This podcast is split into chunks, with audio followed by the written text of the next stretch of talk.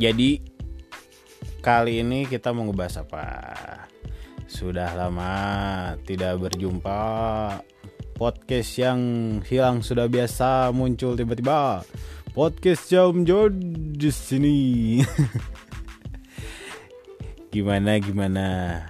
Masih renyah suara saya untuk didengarkan. gimana ya?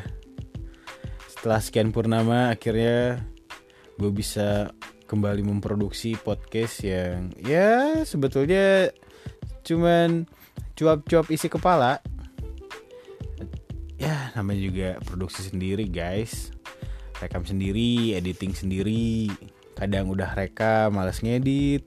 Kadang udah rekam udah ngedit males publish. Ya gitulah. Namanya juga ya namanya juga manusia ya. Saya kita udah bikin satu hal dirasa kurang kayaknya enggak deh kayaknya enggak deh. Ya emang gak baik. Kalau kita bikin sesuatu terus dikoreksi sendiri ah itu udah paling kacau sih. Makanya kita butuh tetap revisi dari bukan diri sendiri namanya juga sorok karir.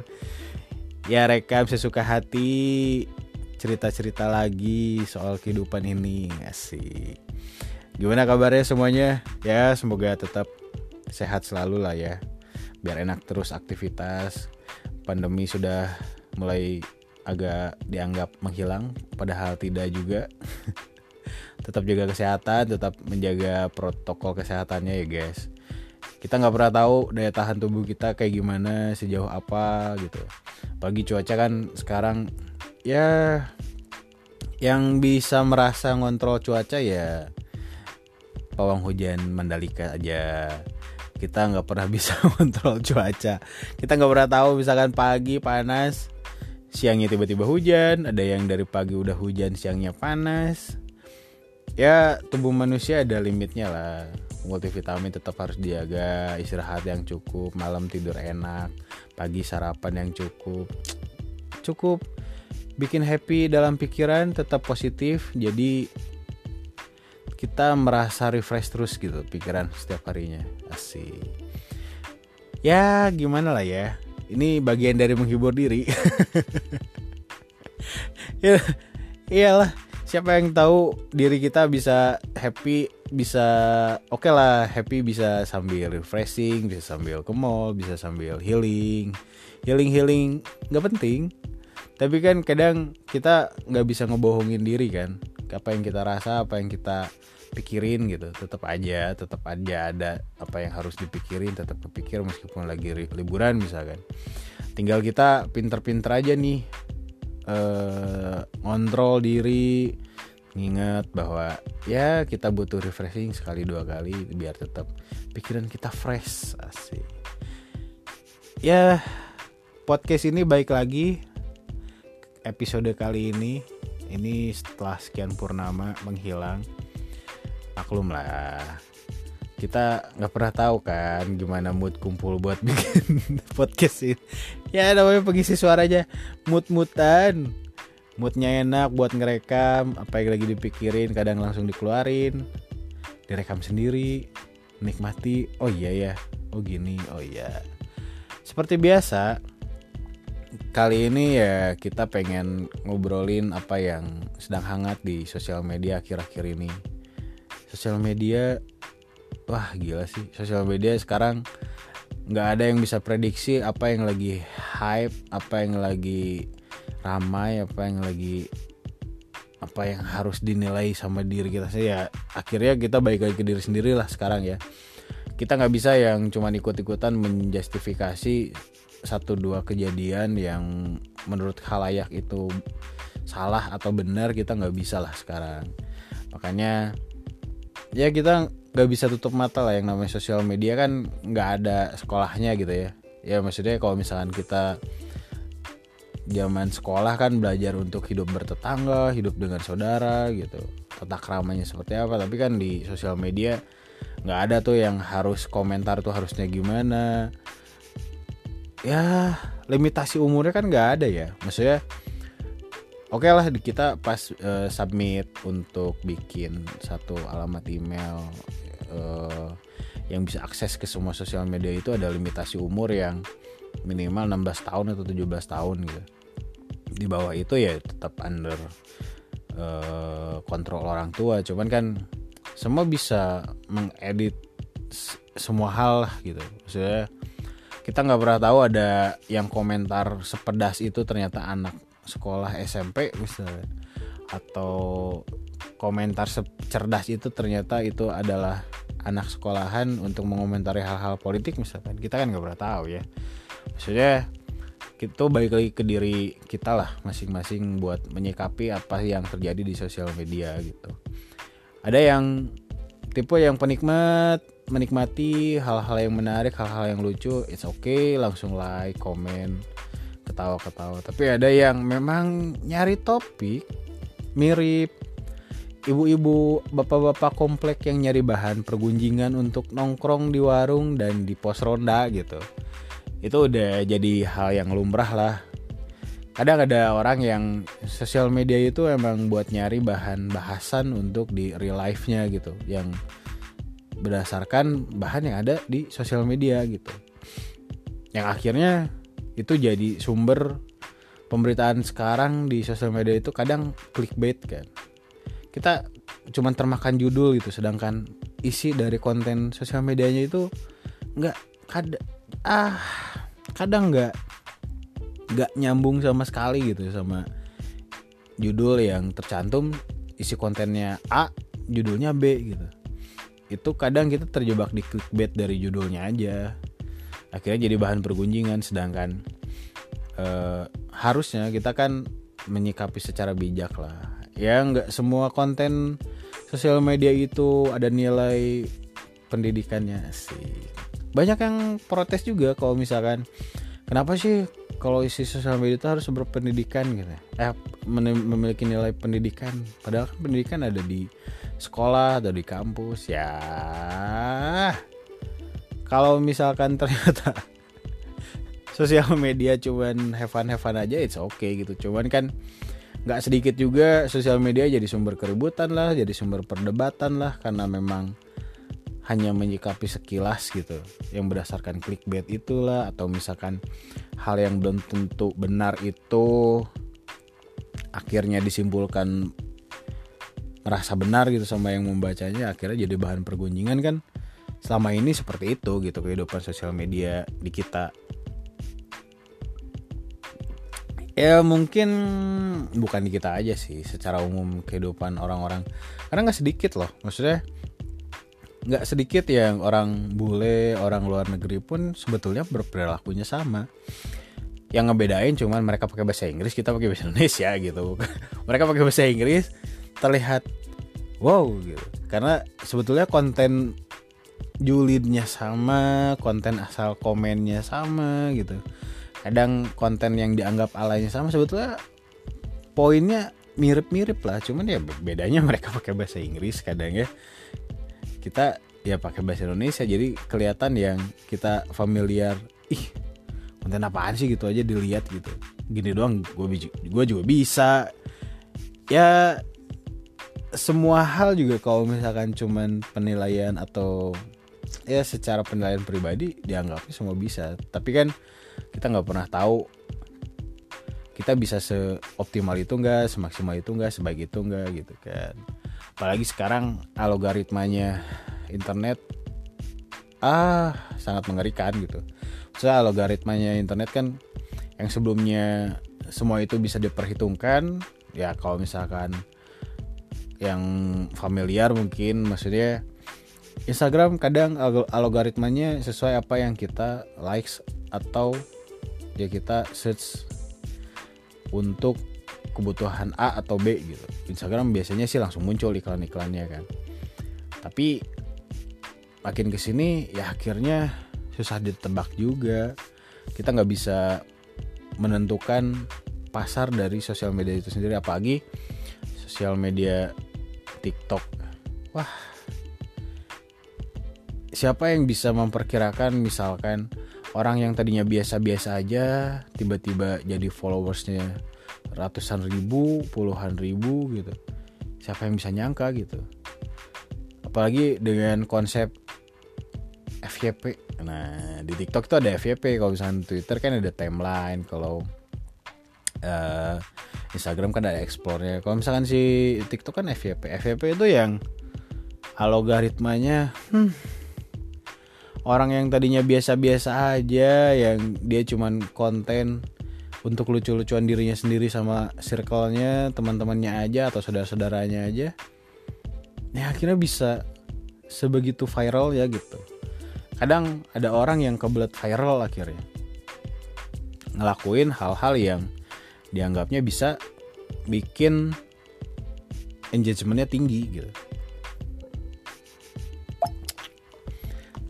kadang ya akhirnya ngelupain nilai-nilai dari bijaksananya kita bersosial media kadang nggak sedikit yang ya orang-orang ini beranggapan bahwa yang penting gue bisa dikenal sama orang lain orang banyak apalagi dengan algoritma yang serandom itu gitu ya agak sayang aja kalau misalkan tapi ya memang sosial media untuk seperti itu sih sebetulnya.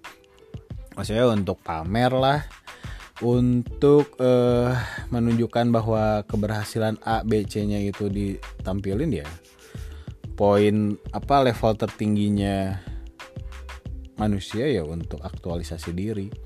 Banyak aktualisasi diri dengan caranya gitu apalagi dengan sosial media ya merasa likes banyak komen banyak itu sebuah aktualisasi diri yang achievementnya itu ada gitu. Ya hal yang wajar lah.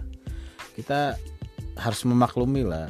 Gue gue di sini juga bukan menjolid ya bukan jolid sih. Maksudnya biar kita memaklumi atas hal-hal yang muncul akhir-akhir ini di sosial media gitu. Saya nggak sedikit sekarang banyak hal yang muncul tiba-tiba yang seharusnya kok bisa ya? Kok bisa ya? Mulai dari ya kejahatan mulai dari prestasi-prestasi gitu. Mulai dari hal yang nggak masuk di akal misalkan. Nggak sedikit sekarang ada kejahatan-kejahatan yang akhirnya dipublish di sosial media untuk bisa mendapat support dari halayak ramai gitu. Kejahatan-kejahatan yang mungkin secara proses uh, umum kepada aparatur uh, negara sebetulnya itu sedang diproses tapi butuh percepatan ya akhirnya uh, diangkatlah di sosial media. Akhirnya menjadi atensi publik yang orang-orang tuh notice terhadap apa yang sedang terjadi gitu. Akhirnya mendapat support dan akhirnya dibikinlah isu secara uh, digital sosial media yang akhirnya ya semua bisa diarahkan gitu untuk menilai apakah ini benar atau salah untuk sebuah kejahatan misalkan. Nggak sedikit juga ada hal-hal yang terkait dengan perselingkuhan lah pelecehan seksual lah atau kejahatan-kejahatan lainnya yang terungkap di sosial media ini gitu. Kita nggak pernah tahu kita bisa seterkenal itu karena hal apa di sosial media. Tapi dalam hitungan detik hitungan menit kita bisa loncat tinggi dengan sosial media. Entah itu dengan viral entah itu dengan prestasi entah itu dengan uh, kontroversi gitu. Kita nggak pernah tahu juga kapan bisa hancur lewat sosial media gitu. Kenapa gue bilang hancur di sosial media? Ya emang yang namanya identitas kita di dunia digitalisasi ini tidak tersebar dengan cuma-cuma selama lu fotokopi KTP masih dilakuin selama lu masih akses di setiap aplikasi di setiap website itu memasukkan nomor KTP jangan harap kebocoran data itu tidak ada kawan-kawan. Nggak ada yang aman di dunia ini maksudnya apalagi uh, aman dalam konteks uh, berselancar di internet lah ya kita nggak pernah tahu seaman apa data kita sih. Seaman apa sih identitas kita di internet ini ya? Sepintar-pintarnya kita lah. Yang pertama nama lu udah pasti gampang dicari di Google. Iseng aja googling. Nama lengkap lo ya pasti ada lah. Minimal hmm, nilai kuliah pasti ada. Atau enggak dapil uh, daerah pemilihan data dari KPU itu udah pasti kemungkinan sih muncul di situ. Kalau misalkan kuliah biasanya ada direktorat uh, jurnal buat nama kita selama penyelesaian kuliah. Itu pasti ya pasti ada sih biasanya. Ya kemungkinan besar ada lah. Selama kita pakai nama lengkap yang bisa di search gitu. Kadang kan ada yang uh, namanya disingkat depannya Raden misalkan RD doang depannya tapi search di googlingnya itu dengan nama lengkapnya nggak disingkat ya itu agak pinter-pinter kita lah. Cuman itulah konsekuensi dari data kita yang tersebar di dunia digital ini gitu apalagi era sosial media. Kita nggak pernah tahu alamat kita tersembunyi kayak gimana. Cuman ya kita harus ikhlas ikhlas cuman ya pikir dasarnya meskipun secara dasar siapa sih kita alamat kita ya nggak apa-apa. Jangan lupa kejahatan itu lebih jago. Jadi kadang kita lupa lah. Kejahatan itu kan ada kesempatan gitu polanya kejahatan itu ya gitu-gitu aja. Orang jahat itu kita nggak pernah tahu orang jahat itu datangnya kapan gitu. Cuman ya dengan semua kejahatan yang pernah terjadi dan pernah ada dikonversi menjadi kejahatan digital ya kita harus sudah siap-siap aja atas apa yang kemungkinan terjadi di hidup kita gitu. Bagi era sosial media ini ya. Semuanya serba digital data identitas kita pribadi udah pasti mudah untuk diakses secara nama tempat tinggal dan lain-lainnya serapih mungkin untuk kehidupan sosial media lah istilahnya. Apa yang lo pernah lakuin apa yang lo merasa aman itu nggak pernah 100% aman buat di sosial media. Jangan pernah e, berasumsi orang-orang yang terkenal itu merasa nyaman ya kita nggak pernah tahu juga sih. Tapi kita juga sebagai masyarakat yang awam yang normal-normal aja berselancar di kehidupan digital ini ya kita juga harus lebih hati-hati lah. Karena yang gue baik lagi kejahatan itu nggak bukan karena ada niat aja sih. Kesempatannya ada peluangnya ada. Apalagi sumber terbuka lebar untuk melakukan satu dua tiga hal kejahatan lah ya. Sekarang itu apalagi soal kejahatan di teknologi digital ini gitu ya apalagi yang perlu kita waspadin selain kita bisa mengontrol diri kita sendiri gitu. Pertama lo bisa mengontrol dari sisi sebagai orang awam yang ya bijak-bijak lah sosial media ya bijak-bijak lah di dunia digital ini gitu ya. Maksudnya jejak digital kan gak ada yang bisa hilang 100% lah ya. Jejak digital itu sejago-jagonya menghilangkan jejak digital ya paling disembunyikan aja. Nggak sampai hilang. Ya apalagi yang kita terima dunia sudah terbuka gitu ya. Saya dulu kita pengen keluar negeri itu harus benar-benar keluar negeri secara fisik sekarang kan kita pengen menikmati yang belum pernah kita nikmati keliling dunia ya tinggal berselancar aja di internet. Apalagi yang harus kita siapin gitu di perkembangan yang tidak terkontrol ini. Semuanya jadi serba nggak kekontrol sih kalau misalkan diri kita sendiri nggak bisa ngontrol gitu buat diri kitanya. Jangan sampai lost control itu kuncinya gitu karena nggak sedikit juga kejahatan-kejahatan sosial media itu ya melibatkan foto, video gitu. Kadang ada yang iseng cuman ngerekam-ngerekam aja yang akhirnya malah jadi bumerang sendiri gitu. Apalagi sekarang ada undang-undang ITE ya, kita nggak pernah bisa menghindari itu gitu. Apalagi kita orang biasa lah. siapa sih kita? Bisa menghindari undang-undang ITE gitu kan.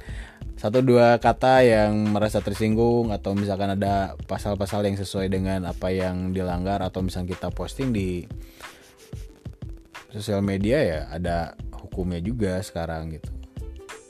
Meskipun sampai sekarang masih jadi perdebatan apakah layak nggak hukum itu ditegakkan di era digital dan sosial media ini gitu. Cuman ya gua sih masukannya ya kita sebijak-bijaknya kita lah ya.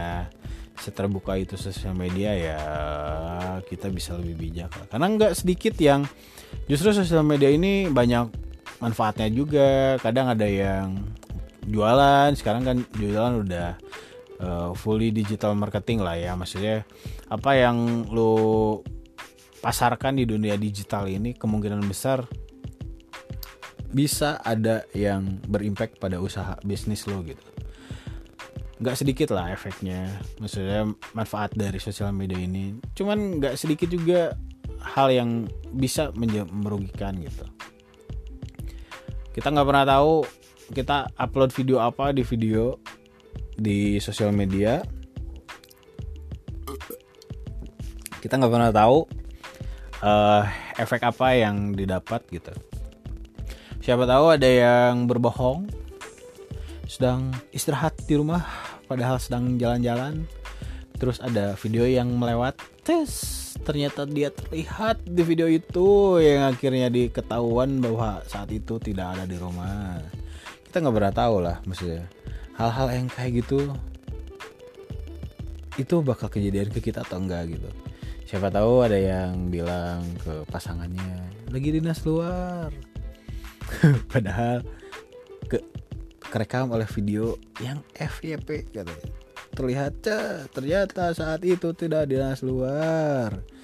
Ya agak mengkhawatirkan aja lah ya kalau misalkan kayak gitu. Cuman ya makanya itu yang gue bilang di awal tadi kan. Kita nggak pernah tahu kapan kita mendapat impact negatif atau impact positif dari uh, kita giatnya di dunia digital ini gitu.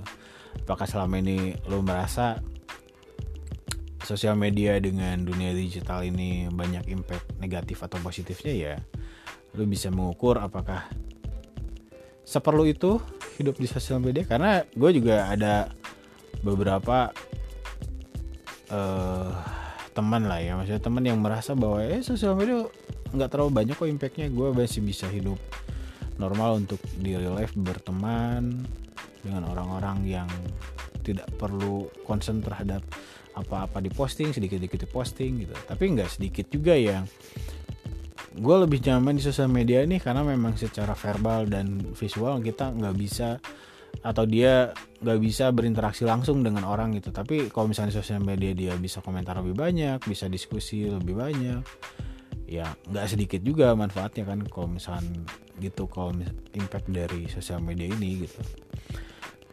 Ya gue berulang di podcast ini selalu menekankan hal-hal yang terjadi di sosial media karena memang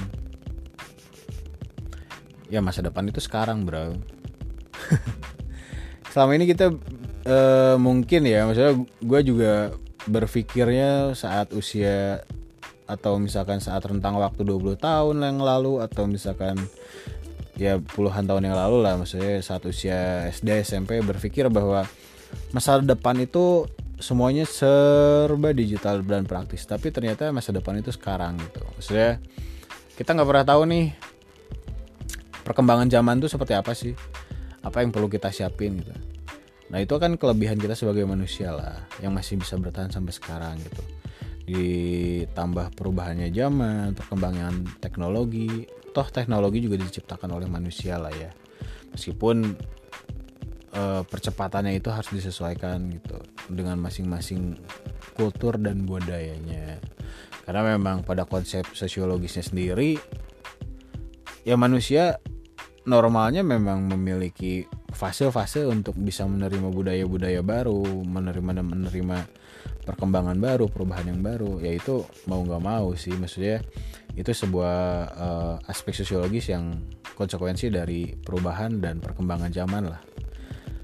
Di podcast ini gue menekankan berkali-kali dari setiap episode, episode bahwa apa yang kita lakuin di dunia digital ini di sosial media ini nggak sedikit yang berimpak kepada kehidupan nyata yang bisa merubah hidup lu cepat atau lambat, positif atau negatif gitu.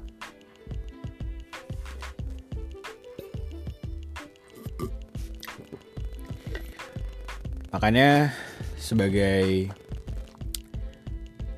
manusia yang saling mengingatkan saya gue di sini cuman saling mengingatkan aja ya gue sih tergelitik dengan apa yang berkembang di tren di sosial media sekarang lah ya orang-orang yang kebelat viral, orang-orang yang dikit-dikit kontenin gitu, dikit-dikit video diposting melalui berbagai platform media yang semakin tidak terkontrol gitu. Kadang kita bisa seenaknya mengcapture foto, bikin video tanpa memikirkan apakah video yang kita posting yang melibatkan orang lain yang sama sekali kita nggak kenal itu apakah itu akan berdampak baik atau enggak ke orang itu. Atau foto yang kita posting itu foto itu tidak maksudnya foto kan nggak ngomong ya maksudnya nggak nggak bisa menjelaskan sesuatu. Tapi ketika lo posting cuma-cuma dengan caption yang sesuka kalian-kalian apakah foto itu bisa mengakibatkan perubahan pada orang yang terlibat di foto itu atau enggak? Kan itu yang perlu kita lebih ya inilah aware lah. Lebih bijak lagi aja sosial media ini. Ya ibarat kata sosial media ini kayak kita hidup di jalanan lah. Kita udah hati-hati orang lain gak hati kita udah uh, sesuai peraturan tapi orang lain gak sesuai peraturan. Pilihannya kayak gitu pilihannya ya mau nggak mau siap nggak siap ya inilah hidup kita saat ini masa depan itu sekarang Brad tetap bijak dan tetap berbahagia tentunya untuk di sosial media. Oke, okay? see ya.